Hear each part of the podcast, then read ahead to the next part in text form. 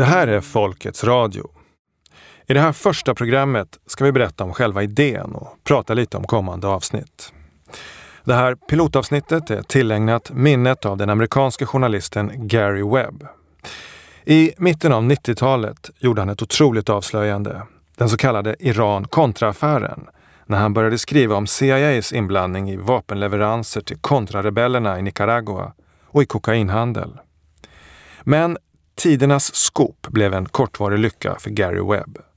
Nyligen offentliggjorda CIA-dokument visar hur de största dagstidningarna var underrättelsetjänsten behjälpliga i att bromsa storyn och smutskasta reportern. Drevet var framgångsrikt och Gary Webbs privatliv gick utför. Det slutade med att han tog livet av sig. En del menar rent av att han fick hjälp på traven. Vem vet?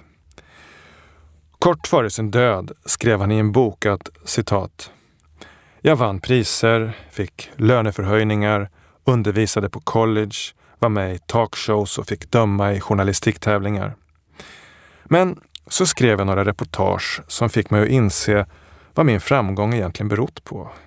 Min smidiga karriär hade inte kommit sig av att jag var noggrann eller duktig på mitt jobb. Nej, sanningen var den att under alla dessa år så hade jag inte skrivit någonting som var viktigt nog för att stoppa. The truth was that in all these years I hadn't written anything important enough to suppress.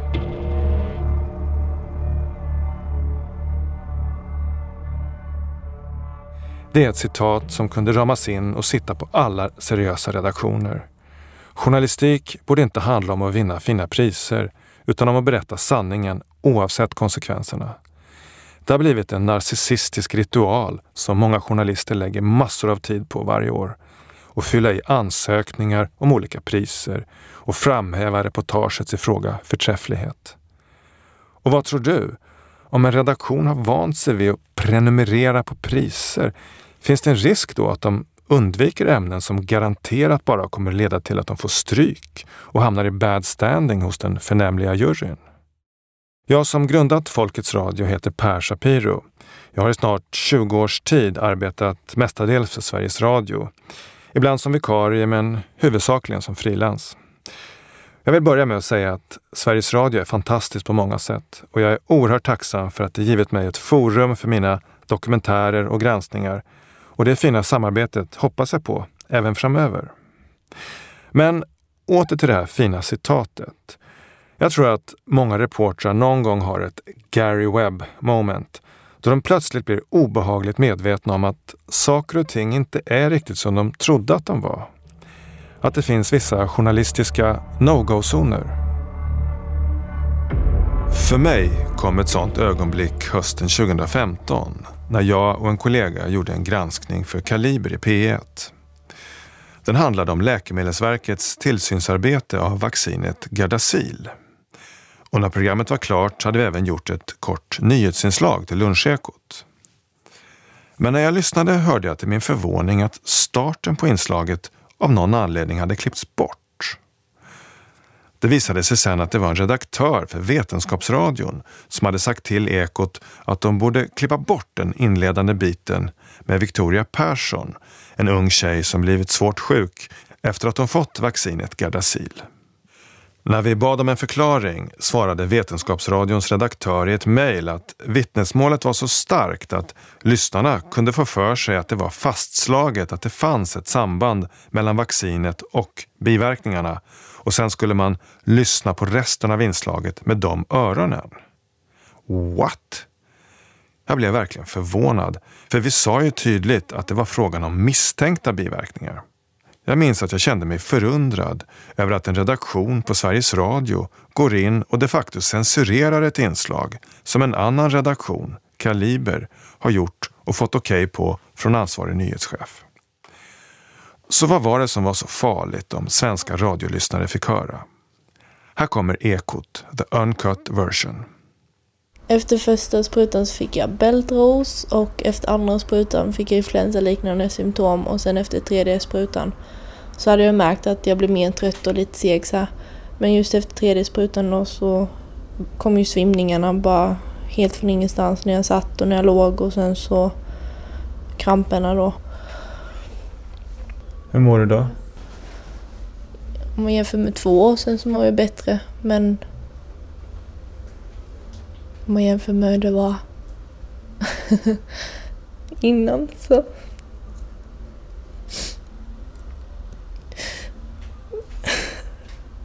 Man känner inte riktigt igen sig själv när det händer sådana här saker. Vad är det för elitism att underkänna radiolyssnarnas förmåga att tänka själva? När blev P1s lyssnare boskap som måste få vissa saker censurerade för sig så att de inte lyssnar på inslaget med fel öron? Bakgrunden till allt detta var att jag hade gjort en P1-dokumentär om en tapper tjej som heter Maja. Hon och hennes familj ansåg att hon fått sitt liv förstört av vaccinet Gardasil. Programmet inleddes med ett förnedrande besök på Södersjukhuset.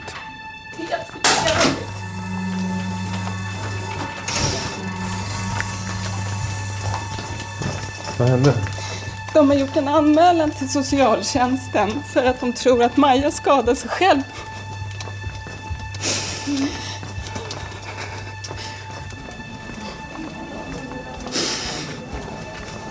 Så här var det i, eh, när vi pratade om det med de danska föräldrarna också, att man blir stämplad som en jävla idiot. Ett psykfall.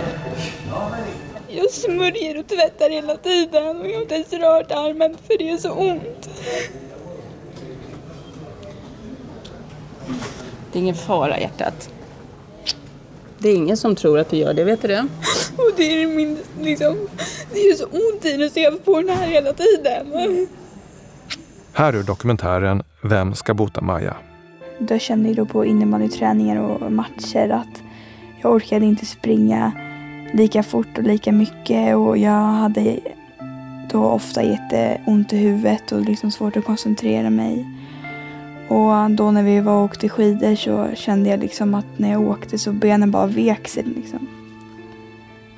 Symptomen som kom smygande har hela tiden förvärrats. Idag behöver Maja rullstol för att ta sig fram. Jag räknade ut häromdagen att jag har liksom haft konstant värk i två år i hela kroppen. Konstant molande värk liksom. Dunkande i huvudet men molande i benen. Och eh, jag har fått liksom ondare som i skelettet i benet på olika ställen i kroppen. Och eh, som att det liksom känns som att snart går armen av. Några veckor efter att programmet sänts fick jag veta att en expert som jobbat på Läkemedelsverket ville ha kontakt med mig. Det var Rebecca Chandler som varit verkets egen säkerhetsutredare med ansvar för just Gardasil. I listened to the program about Maya from my new job after I had thought I had left HPV behind me. And I sat there for one moment while wiping away tears. Do I enter into this again? But it was very quick. I had a moral obligation to do so. There was no question. And so I wrote to you directly. I know what's wrong with her. And I have to tell you. Because if not, then the oath I took when I got my diploma 20 years ago now, this month or so, it would have just been, I mean, it would have just been fake. So you felt that she she might have been a victim of vaccine? I don't know for sure. I mean, I, I, my hypothesis for this will be that it will be similar to something with narcolepsy. That this is a manifestation of a of an immunogenic challenge in a genetically predisposed individual. Rebecca var hoppfull om att förbättrade sökmetoder även skulle kunna fånga upp svåra biverkningar som dagens signalspaning går bet på om symptomen inte är kopplade till en specifik diagnos. I believe that with the advances in data science, we need to think differently. We need to be looking for patterns in the data, not just associations between a single drug and a single event. And I think that that would allow us to capture patients reporting this similar pattern of symptoms. And if we can really cast a larger net um, to capture all those people that report similar patterns of symptoms, then we can clinically review them to see if they may be describing the same clinical syndrome, even if they don't have a diagnosis yet. Hösten 2018 träffade jag henne igen på en konferens i Köpenhamn där hon pratade om det stigma läkare och patienter drabbas av som vågar prata om misstänkta biverkningar. We also have a very big political problem actually getting signals recognized by regulators. And furthermore, um, there's also a climate where those persons who raise signals are marginalized, both patients as well as physicians. And I think it's a, a, a, really a growing problem, and I think it's really affecting the confidence of vaccines um, worldwide, actually.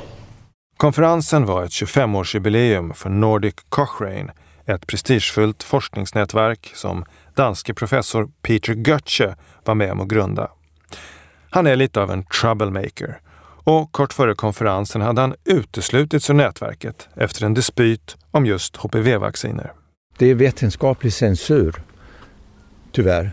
Och anledningen till att jag blev utstött från Cochrane det har att göra med att ledningen vi har nu tycker inte om vetenskaplig kritik, även om den är berättigad. Och särskilt inte om man kritiserar en Cochrane Review som till exempel HPV-vaccinreviewen som vi kritiserade för att vi vet mycket mer om den här, de här vaccinerna än, än de Cochrane-forskarna som hade gjort reviewen. Hösten 2015, efter att danska läkare slagit larm, tvingades Europeiska läkemedelsverket, EMA, göra en utredning av huruvida det fanns en koppling mellan HPV-vacciner och två olika ovanliga diagnoser. EMA slog fast att ingen koppling kunde beläggas och att heller ingen studie behövde göras för att undersöka frågan närmare. Men enligt Peter Götze var EMAs utredning i princip en läggmatch.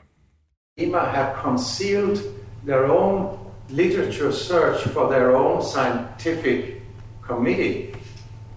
And when we asked for that concealed literature search, we were astonished because the EMA had itself found out that if you give people a strong immunogenic adjuvant, then you can get some autoimmune disease based on some virus infection that would otherwise not have harmed you.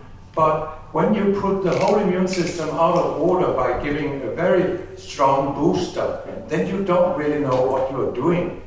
Han påstår här att EMAs ledning känt till att det fanns risker med vaccinets effekthöjande adjuvans, men att man undanhållit relevant forskningslitteratur från sin egen vetenskapliga kommitté. So then, then I said, aha, Eureka, here we have it. This was not going to be known by EMA's own scientific committee because that went, went against EMA's reassurance that there was nothing to be worried about. This was exactly what I had suspected all along, and the EMA concealed it for its own scientific experts. I don't know what you will call this, but I call it serious maladministration and covering up things. It's really bad. Uh, vi gjorde ett program där vi bland annat intervjuade Rebecca Chandler som du känner yeah. för ett par år sedan. Och, uh, vi fick väldigt mycket kritik även från andra journalister uh, för att det här var liksom redan klart. EMA hade gjort en utredning om HPV-vaccinerna. Case closed som man säger på engelska. Uh, du ser inte att det, att det är case closed? Överhuvudtaget inte. De är alldeles för industrivänliga. De är alldeles för okritiska. Och vi har ju kritiserat den, det europeiska läkemedelsverket väldigt häftigt. Eh, också till den europeiska ombudsmannen men tyvärr går inte ombudsmannen in i vetenskapliga diskussioner. Professor Tom Jefferson är en till modig forskare som fick mycket beröm när han granskade och underkände läkemedlet Tamiflu, men som mötte en helt annan respons när han började granska HPV-vacciner. They um, they criticize you if you do something, then they criticize you if they don't like the conclusions. They don't provide uh, scientific arguments. They just don't like the conclusions. Um, and now there's there's these uh, social media with Twitter and Facebook, and they can trash your work in 80 characters, 100 characters. This has happened without even reading, uh, without uh, taking care to read what other people write, or doing the work themselves. That seems to have gone out of the window now. you had quite an impact on your research on Tamiflu. Then, when you were scrutinizing HPV, the reactions were quite different. Yeah, it's too. Um, it's it's complete. It's com- completely biased. It's okay to to review drugs, but it's not okay to review vaccines. What kind of logic is that? Why is that? Do you think? I I, I, I have no idea. I, think it's just uh, the, the vaccines are seen as a religion almost. Han säger att vaccin blivit som religion. Ett totalt polariserat klimat som inte är gynnsamt för att bedriva vetenskap. Either a very, very great good or a very, very great evil, polarized. In a poisoned, polarized atmosphere, science does not thrive.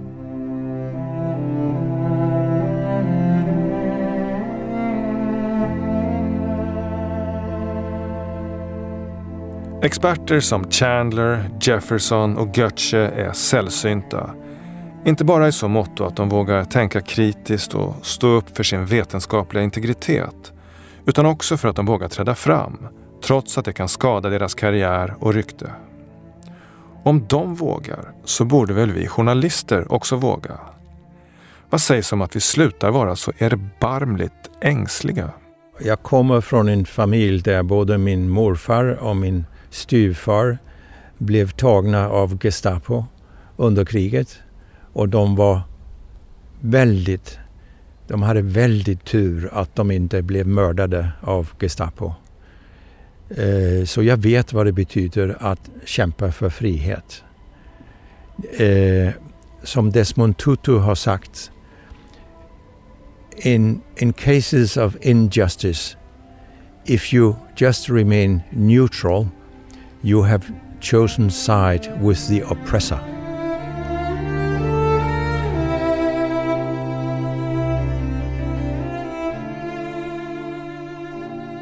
De här inspelningarna gjordes som sagt hösten 2018 och jag har varit väldigt upptagen sedan dess och inte hunnit uppdatera mig när det gäller frågan om HPV-vacciner.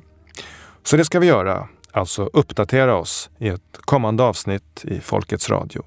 En sak till. Jag har ofta fått påpekat för mig att de negativa konsekvenserna för vissa individer måste vägas mot den obestridliga nyttan av en rad vaccinationer som räddat många människoliv. Enklare uttryckt, att vi kanske måste offra några för att rädda många fler. Så kan det vara, men sanningen får vi aldrig offra. Myndigheter och vaccintillverkare får inte mörka eller manipulera. Och de förhoppningsvis få som offras för de många förtjänar samhällets stöd, inte att marginaliseras eller viftas bort som hypokondriska psykfall. Och folk borde sluta kalla seriösa och hederliga forskare som Tom Jefferson för antivaxare. Läs hans granskning. Om du har tiden, gå igenom klagomålet till EUs ombudsman och gör din egen research om hur det europeiska läkemedelsverket gjorde den där utredningen om HPV-vaccinerna 2015. Bilda dig en egen uppfattning så kan vi ha en nyanserad diskussion.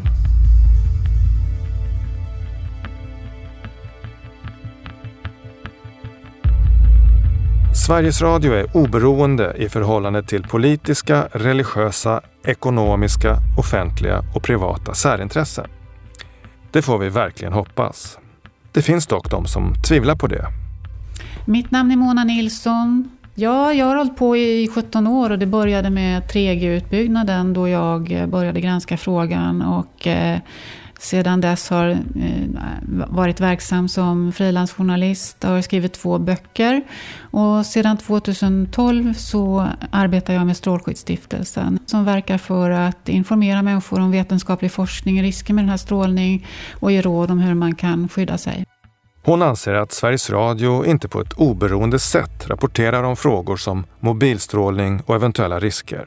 Man brister påtagligt i den objektivitet och saklighet som ska känneteckna rapporteringen kring en fråga som tveklöst kännetecknas av att det är en djup kontrovers i forskarvärlden när det gäller hälsoriskerna med eh, strålning från både 4G men framförallt eh, kommande 5G.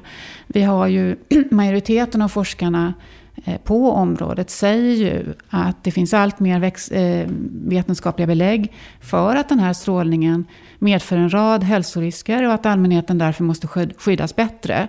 Eh, det här kommer aldrig fram i medierapporteringen och representanter för de här forskargrupperna får inte heller komma till tals på liknande villkor som Eh, de som avfärdar riskerna får komma till tals. Det vill säga att man får en, en skev och vinklad rapportering och allmänheten eh, får inte den balanserade och, och de, eh, demokratiska rapportering som man, man tycker man ska få i en demokrati. Utan det här är en journalistik som snarare för tankarna till forna Östeuropa, Sovjetunionen med mera andra former av statsskick där medierna är totalkontrollerade.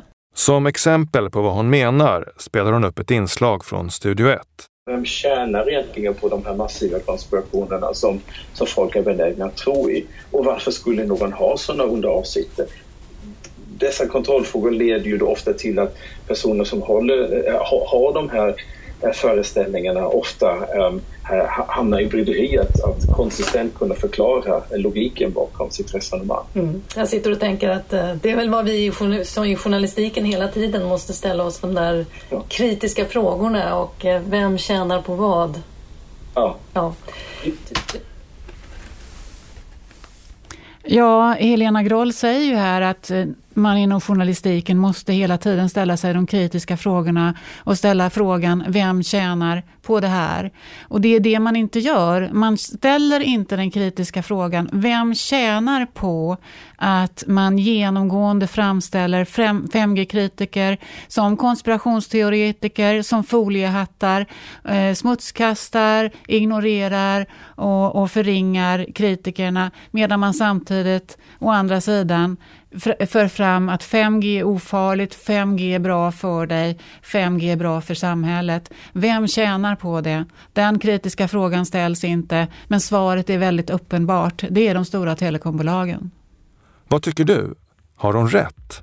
Och om hon har fel, så skicka gärna några exempel på riktiga allsidiga granskningar av 5G eller mobilstrålning i allmänhet som public service gjort senaste åren. Eller debatter om 5G där båda parter får komma till tals med sina bästa argument. Jag menar, det borde ju vara ett jättehett ämne. Journalistikens no-go-zoner. Mobilstrålning och vaccin tycker jag är två exempel. Med no-go-zon menas att ämnena är kringgärdade av ett sånt stigma att de flesta journalister och redaktioner håller sig borta av rädsla för att stämplas som konspirationsteoretiker och kanske få sin karriär förstörd. Men rädda journalister i en demokrati? Ett avsnitt kommer handla om just begreppet konspirationsteoretiker och hur det har slipats till ett fruktat smutskastningsvapen. If you look at what people do with conspiracy theory, they don't just say, here's a conspiracy theory, and people come along and say, well, there's a problem with it, there's a problem with it here, maybe it's true here. No. Ordet konspirationsteori används för att inte behöva ta en diskussion i sakfrågan. They're not going to sit there and argue with you about it. They are going to shut it down by labeling it. Professor Lance DeHaven Smith har i sin bok Conspiracy Theory in America analyserat begreppets ursprung och evolution och han spårar dagens extremt negativa innebörd till ett CIA-memo från 1967 som var inledningen på en propagandakampanj där syftet var att misskreditera alla som ifrågasatte den officiella versionen av Kennedy-mordet. Um, they would talk about the Kennedy assassination and anybody who had a theory of that, that it was involved, involved more than one person, one killer, um, was considered a nut. CIA satte spinn på ordet som nu fick en bredare och fulare innebörd. Det tog några år Sen hade det satt sig i det allmänna medvetandet. A few years to get it going and then it just it, it has a, a life of its own. It becomes more increasingly negative and to the point that when somebody says it, it automatically people recognize it. I, I know what that is. That's a conspiracy theory. And it's no good.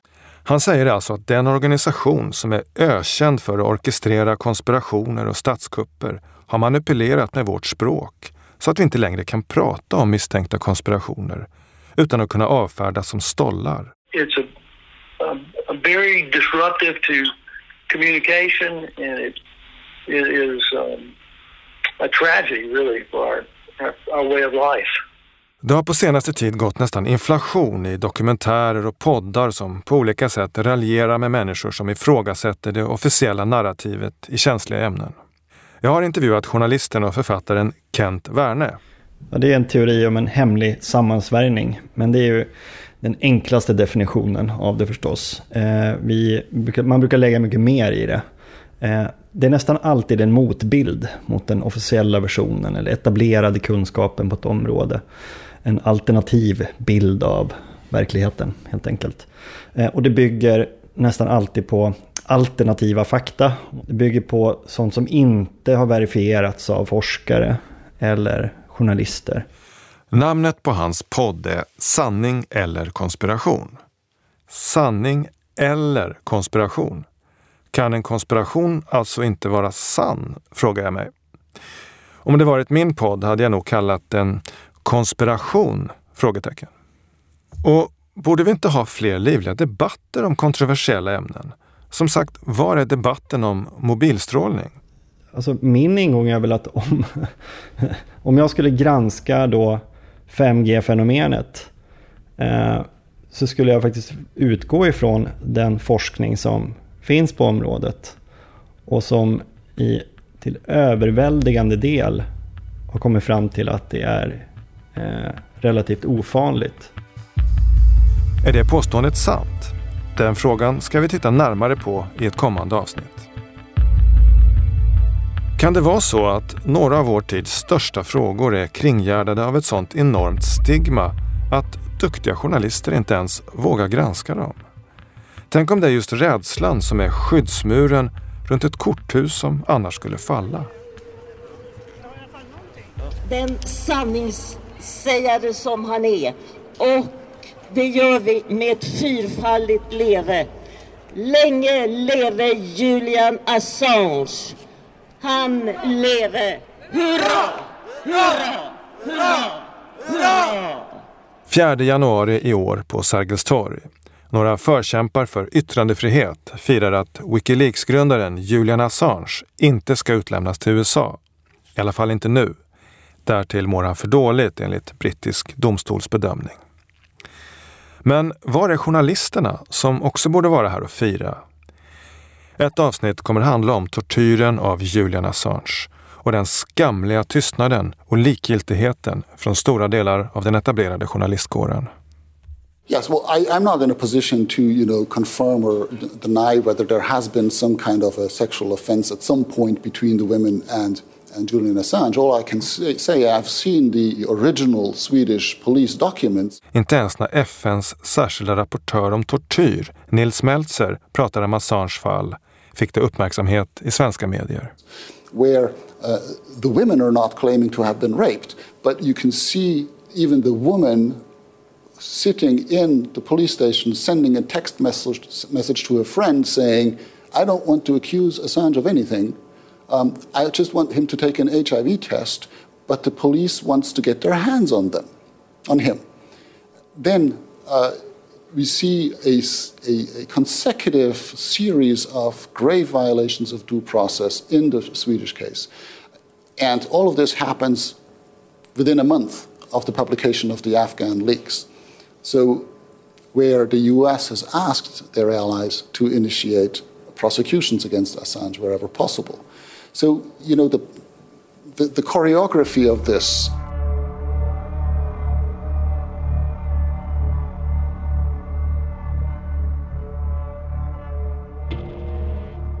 En kortlek med smutskastningskort som mäktiga intressen spelar ut för att undvika diskussioner i sakfrågor.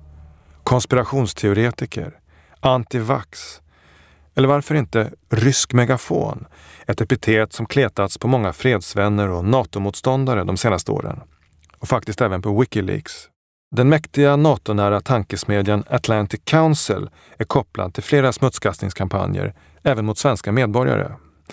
Vi kommer bland annat få möta tidigare miljöpartisten Håkan Sundberg som blev utslängd i kylan efter grundlösa McCarthy-liknande anklagelser. Jag blev ju väldigt upprörd när jag eh, fick ta del av den här rapporten. Och, eh, eh, dels för att jag trodde väl aldrig att jag skulle figurera i något sånt här sammanhang överhuvudtaget. Eh, och sen så fick jag ju då efter det här så har jag ju tagit reda på en massa saker. UD har alltså ett samarbete med Atlantic Council där man varje år betalar ungefär 2,5 miljoner kronor. Där Atlantic Council då är alltså, en, en eh, amerikansk eh, tankesmedja som med nära band till NATO eh, smutskastar riksdagspartier, svenska freds och miljörörelsen och enskilda svenskar. För, för mig är det helt ofattbart att eh, min regering, en rödgrön regering, betalar så mycket pengar för NATO-propaganda. Och på temat Ryssland, vi kommer få följa med på en rundresa i landet med Putin-dissidenten Alexej Sachnin.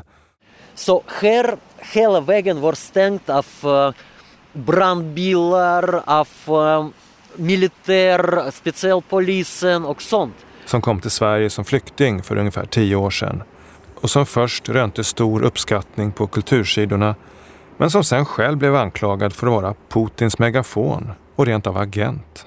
Jag började följa hans märkliga öde 2017 när han ännu bodde i Sverige. Och i våras besökte jag honom i Ryssland.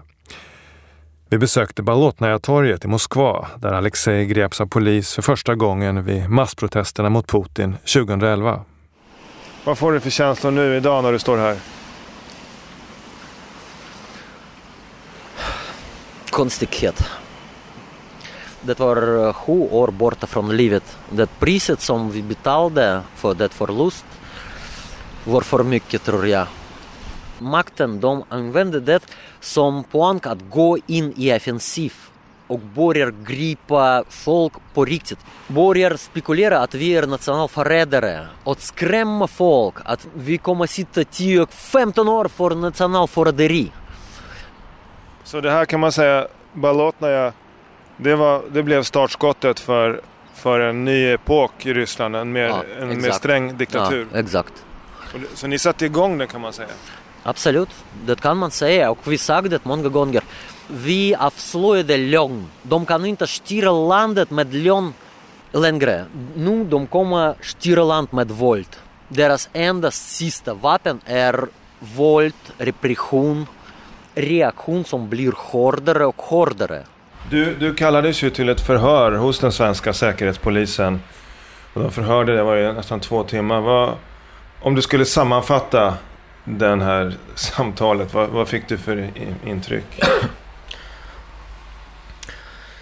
Jag skrev under att jag kommer inte berätta i detaljer, men uh, det var en roligt uh, ögonblick i början. Jag kom och i början av samtal,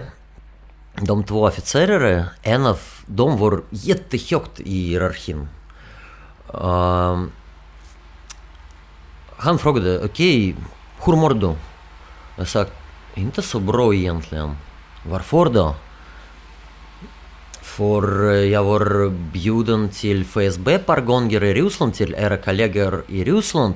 Och det slutar inte så bra för min liv. Och de blev arga direkt, på en gång. Kollegor till oss. De är blodiga diktaturen. Vi har ingenting gemensamt. Och sen två timmar exakt som i Ryssland. Hur känner du henne? Hur känner du honom? Um, vem som uh, organiserade det här mötet? Vilka frågor diskuterar du med dem? Och så vidare. Frågade också hur du Åsa Linderborg va? Ja. Hur känner jag henne? Hur ofta vi sam pratar med varandra?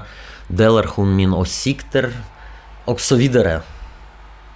Vad tänkte du när du fick veta då att de hade bedömt att du är ett hot mot rikets säkerhet? Att jag kan vara någonting sånt. Att jag kan vara. För jag kanske kan umgås med farliga personer. Kanske, kanske du eller de eller Stefan Löfven kan umgås med farliga personer. Jag, jag blir ledsen såklart. Jag blir, blir ledsen men det visade sig att det finns inte tyvärr så stor skillnad mellan staten och makten på båda sidor av våra väst och Ryssland, Sverige och Ryssland. Tyvärr, vi som ryska aktivister, vi skulle vinna jättemycket om väst skulle vara förebild. Om vi kunde använda väst som förebild. Men det är omöjligt i, i sådana förhållanden. Och det är en av viktigaste källor för diktaturen i Ryssland, i min hemland. För stark argument är, det finns ingen alternativ. There is no alternative, som Margaret Thatcher sagt. Och Putin pekar, okej, okay, vi är inte perfekt, men kolla, vem är perfekt? Och när, när jag hamnade i alla dessa konflikter, då ryska media berättade om det jättegärna. De använde varje gång och visade, kolla, yttrandefrihet. Okej, okay, vad är era yttrandefrihet? Och så ska vi titta lite på Syrien-rapporteringen. Ja, det, alltså att prata om de här eh, kemgasattackerna är ju det... Det är en sån där fråga som ingen vill ta i. För det är så känsligt och alla har sett de här fruktansvärda eh, bilderna på, på barnen som inte får luft och som ligger döda på golvet och så här. Eh, och jag som alla andra blir naturligtvis påverkad av det. Alltså är det här vad som har hänt, att man har gasat ihjäl barn, så det är ju helt fruktansvärt. Det är ju ett grovt krigsbrott. Men även där så fick ju jag väldigt tidigt höra helt andra röster inifrån Syrien. Journalisten Patrik Paulov har skrivit boken Syriens tystade röster. Och sen, sen har vi slutligen den, eh, den sista stora attacken i Doma eh, utanför eh, Damaskus i april 2018. Eh, den skedde precis, den skedde då i ett område som kontrollerades av en grupp som heter Jaish al-Islam som eh, i stort finansierades av Saudiarabien. Extrem islamistisk grupp som eh, Ja, det finns mycket människorättsorganisationer, även Amnesty och sådana som har rapporterat om alla brott de har begått under sitt styre i stort sett alla medier har ju rapporterat under tiden som har gått att det troligtvis var den syriska armén eh, som låg bakom det här brottet. Eh, men det har ju kommit fram väldigt mycket andra uppfattningar som aldrig har nått ut i de stora medierna i Sverige. Det finns den, den brittiska journalisten Robert Fisk. Han var på plats eh, bara någon vecka efter det här påstådda dådet, intervjuade läkare och människor på plats som var helt övertygade om att det inte skedde någon kemisk attack vid det tillfället. När det här FN-organet eh, OPCW skrev sin officiella rapport så fick flertalet av de inspektörer som hade varit på platsen i Doma undersökt. De fick inte vara med att skriva slutrapporten som fick ett helt annat innehåll. Vad jag har sett så är det inga stora svenska medier som har korrigerat någonting eller ens sagt att vi kanske hade fel eller så. Och inga har rapporterat om de här läckorna från de här vapeninspektörerna på plats. Och det, det känns ju oerhört allvarligt. Eh, för som sagt oavsett vad man tror i själva sakfrågan så borde det vara, finnas ett nyhetsvärde i alla fall. Att FN-inspektörerna på plats inte tror att det ägde rum en kemgasattack så kommer vi ägna ett avsnitt åt det sjätte massutdöendet, eller massutrotningen. Det pratas så mycket om klimatförändringar och så relativt lite om att livet på jorden håller på att försvinna. Arter dör ut i en takt vi inte sett på 60 miljoner år. Jorden har förlorat mer än hälften av mängden däggdjur, fiskar, groddjur och fåglar på bara 40 år. För mig känns det lite som att vi går runt i hypnos av distraktioner och förströelser Ser vi vad som händer? Jag har av fågelskådaren Magdalena Rinaldo fått löfte om en rundvisning i Norrtälje skärgård. Hon har bott där i många år och börjat märka att olika sjöfåglar blir mer och mer sällsynta. Hon kartlägger och räknar fågelbestånden. Varje sjöfågel som försvinner, varje art som går förlorad, en del av oss som går förlorad. Har du, precis som jag, hört det där gåtfulla citatet “The medium is the message”, mediet är budskapet, som blev lite av en kultfras på 60-talet, men precis som jag aldrig blivit riktigt klok på vad det betyder. Jag tänker kanske någonting i stil med att först skapar vi vår teknologi, sen skapar den oss. Eller rent av kapar. Hur påverkas vi av att hela tiden vara uppkopplade, ständigt riktade mot skärmar, bombarderade med artificiell intelligens? Vad gör det med vårt tänkande, med vår verklighetsuppfattning? Vad händer med våra relationer? Vi har hamnat i ett väldigt svårt beroende och det har vi även låtit våra barn göra. Och när nätet nu blir allt mer kontrollerat och övervakat och våra smarta telefoner likaså, har det kanske blivit dags att koppla ner sig? Men klarar vi det och bryta den digitala förtrollningen? I programmet Nerkopplat undersöker skådespelaren Håkan Jölander hur vi kan hitta tillbaka till värdiga liv i en tid där vi tolkar våra sinnesintryck genom digitala förvrängningar. Jag bjuder på roliga och befriande samtal med människor som liksom jag upplever hur livskvaliteten försämras allt eftersom teknikutvecklingen framskrider. Och inte bara samtal. I Nerkopplat bjuds det på musikaliska, lyriska, komiska, anarkiska och sinnesutvidgande uttryck i syfte att ifrågasätta tillväxt, modernitet och civilisation. Koppla ner dig med Nerkopplat i Folkets Radio. En analog fyr i den digitala dimman.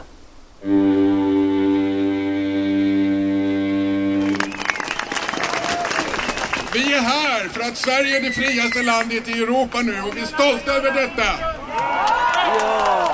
Och givetvis kommer vi följa covid-19, effekten av den nya pandemilagen och mycket annat som är relaterat. Jag har faktiskt jobbat under hösten med en radiodokumentär med arbetsnamnet Corona och ifrågasättarna. Här ett litet utdrag. Ja, jag är här för att jag tycker det här är så våldsamt viktigt. Vi är på väg in i tyranni. Så om vi inte gör någonting och inte säger ifrån, då är vi slavar, 100% slavar i ett teknokratiskt samhälle och det, jag vill inte leva där.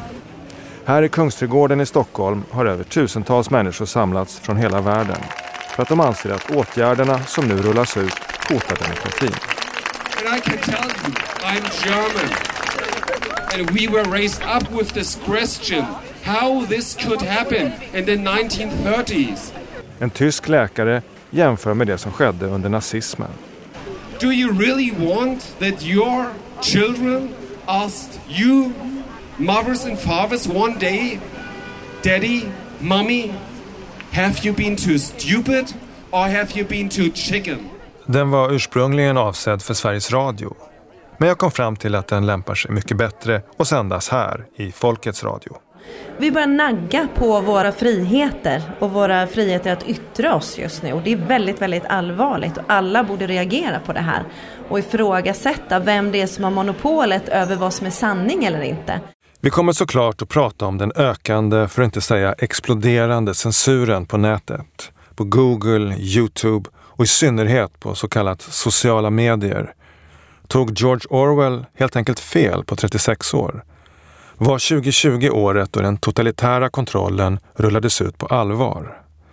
Och de allt vanligare faktagranskarna som dyker upp nästan överallt. Vilka är de? Och vad är egentligen fakta? Jag ställer frågan bland annat till Max Tegmark, professor i fysik vid MIT. Min storebror som jag brukar intervjua ibland. När Galileo för 400 år sedan sa att uh, jorden åker runt solen. Då kom ju påvens faktagranskare och sa nej, nej, det där är fel. Det är solen som åker runt jorden. Så tystade man honom. Och eh, det kostade ju många, många år innan forskningen till slut lyckades få fram sanningen och efter det där. Och det är precis därifrån vi har lärt oss att, uh, att det måste vara demokratiskt med, med faktagranskning. Så man kan inte säga att, någ, att staten eller påven eller Facebook eller Google har någon sorts monopol och att det är dem man ska lita på till skillnad från andra. För mig är själva grunden i vad det betyder att vara vetenskaplig att man eh, är skeptisk mot alla.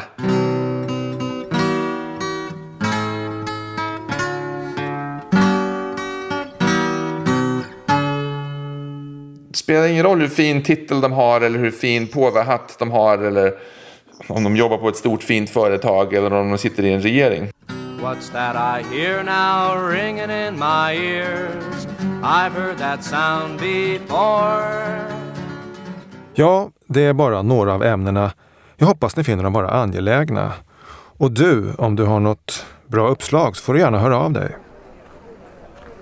Det var som sagt bedrövligt få journalister som kom och manifesterade för Julian Assange.